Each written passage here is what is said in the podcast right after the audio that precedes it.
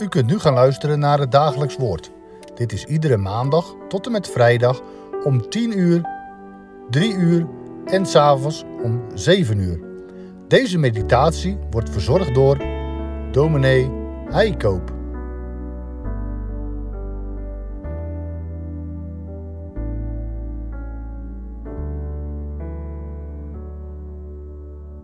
We lezen verder in Lucas 6, vandaag de versen 1 tot en met 5. En het gebeurde op de tweede sabbat na het paasfeest dat Jezus door de korenvelden ging. En zijn discipelen plukten aren, wreven die met de handen stuk en aten ze op. Sommige van de fariseeën zeiden tegen hen: Waarom doet u wat niet geoorloofd is te doen op de sabbat? Jezus antwoordde en zei tegen hen: Hebt u ook dat niet gelezen, wat David deed toen hij honger had?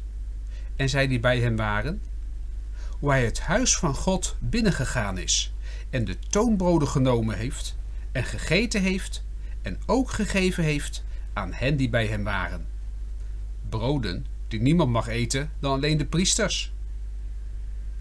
En hij zei tegen hen: De zoon des mensen is Heere ook van de Sabbat. Ik wil met u en jou stilstaan bij dat laatste vers, Lucas 6, vers 5, waar Jezus zegt: De zoon des mensen is Heere, ook over de Sabbat. Wat mag op Sabbat wel en wat niet? Die vraag klinkt bekend. Hoe vaak is daar ook bij ons niet over gediscussieerd? Ook bij ons zei het dat bij ons dan de zondag betreft mag je op zondag een ijsje kopen. Daar zijn de meeste christenen wel over eens. Doe dat maar niet. Maar waar ligt de grens? Mag je op zondag bij vrienden spelen? Mag je op zondag naar het strand? Mag je op zondag fietsen? Het is niet de bedoeling dat je op zondag werkt. Daar zijn de geboden duidelijk over. Gedenk de Sabbatdag, dat gij die heiligt. Zes dagen zult u arbeiden en al uw werk doen. Maar de zevende dag is de Sabbat van de Heer uw God. Dan zult ge geen werk doen. Gij, nog uw zoon, nog uw dochter, nog uw slaaf, nog uw slavin, nog uw vee, nog de vreemdeling die in uw poort is. Eén dag in de week houden we apart. Die is bestemd voor de dienst aan God en om tijd te hebben voor de mensen die God om je heen heeft geplaatst. En daarom mag je niet werken op zondag, behalve werken der noodzakelijkheid. In veel gezinnen is dit gebod in ere gehouden. Maar dat in ere houden ging in veel gezinnen wel gepaard met discussies. Vooral als kinderen groter worden en de zondag liever op een andere manier willen invullen. Ik kan toch wel bij mijn vriend spelen als ik dan weer op tijd terug ben voor de kerk? Ik mag toch wel op het strand wandelen dan geniet ik juist van Gods schepping. Ik wil graag fietsen voor mijn plezier, niet om te werken. Van zo'n discussie horen we nu bij de Heer Jezus. Jezus loopt met zijn discipelen door een veld met koren.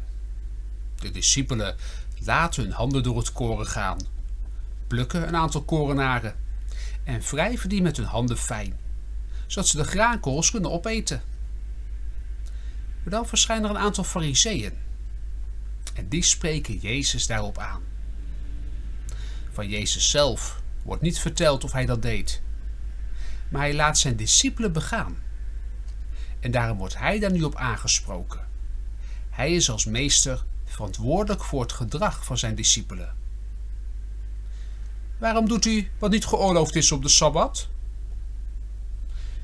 Deze vraag kan klinken als een wat pietluttige vraag. Wat zijn de fariseeën toch een letterknechten? Maar we moeten hun vraag serieus nemen. Het is een terechte vraag.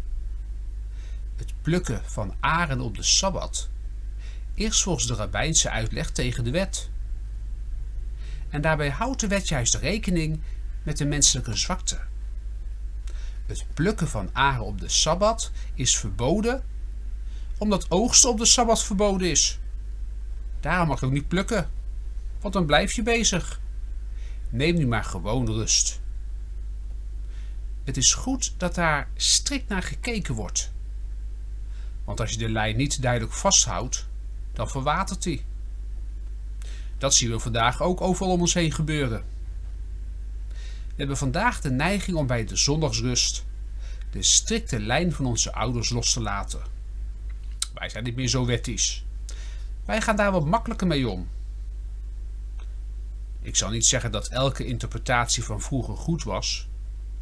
Maar als je niet streng bent in de handhaaf van de zondagsrust, dan komt er al gauw weinig meer terecht van een aparte dag. De zondag wordt vandaag steeds meer een tweede zaterdag. En dat is niet de bedoeling. Daarom is het goed wanneer mensen, vroeger en nu, hier strikt op letten. Proberen die ene dag van de week een geheiligde dag te houden. Een dag die anders is dan de andere dagen. Het punt in de Bijbelgedeelte is ook niet dat de fariseeën hier Piet Luttig zijn. Het is juist te waarderen dat ze opkomen voor de Sabbatsregels. Het punt is dat er met Jezus een nieuwe situatie is aangebroken. De discipelen van Jezus gingen inderdaad anders om met de Sabbatsregels dan de andere mensen uit die tijd. En Jezus stond hen dat toe. Maar dat was omdat Jezus zelf anders is.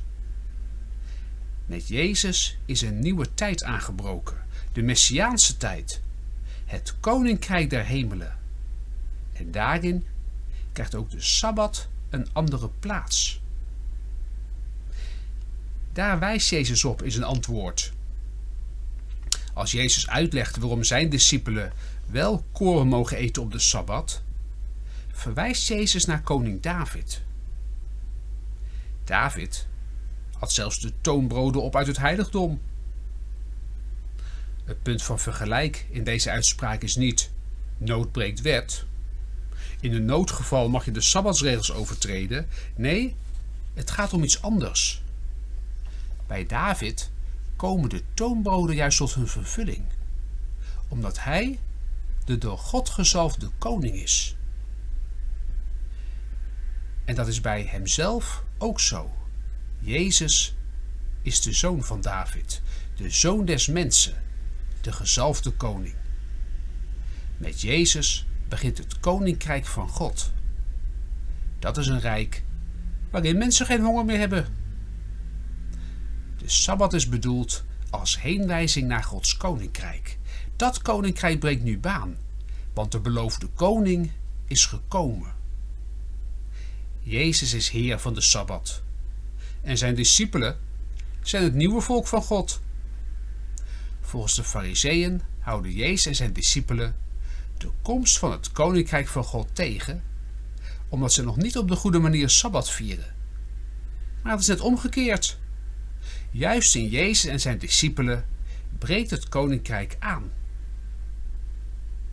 Jezus is niet gekomen om de wet van God af te schaffen, maar om hem te vervullen om hem tot zijn bestemming te brengen. En zo is Jezus ook niet gekomen om de Sabbat af te schaffen, maar om ook die tot zijn bestemming te brengen. Zo mogen wij de zondag ook zien en hem invullen. Die dag is een voorproefje van het koninkrijk dat komt, dat baan breekt. Deze dag mogen we en moeten we ons voorbereiden op de komst van het koninkrijk.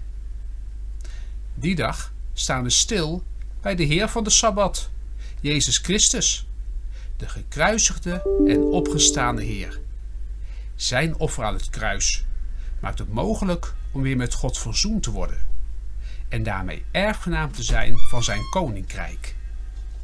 Die dag wijst vooruit, op de dag waarop de grote Sabbat zal beginnen, de dag waarop Jezus terugkomt en zijn koninkrijk heel de aarde zal bedekken.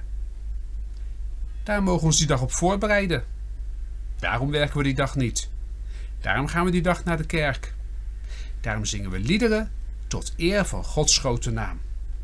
Daarom beleiden we onze zonden en bidden we om schuldvergeving. Daarom geven we geld aan mensen om ons heen die dat hard nodig hebben. Een ijsje kopen? Dat kan ook op de andere zes dagen. Die ene dag vieren we feest, want de Heer van de Sabbat is gekomen. Amen. Laten we samen bidden. Heer onze God, Vader in de hemel, wij danken u dat met u, Heer Jezus Christus, het koninkrijk gekomen is.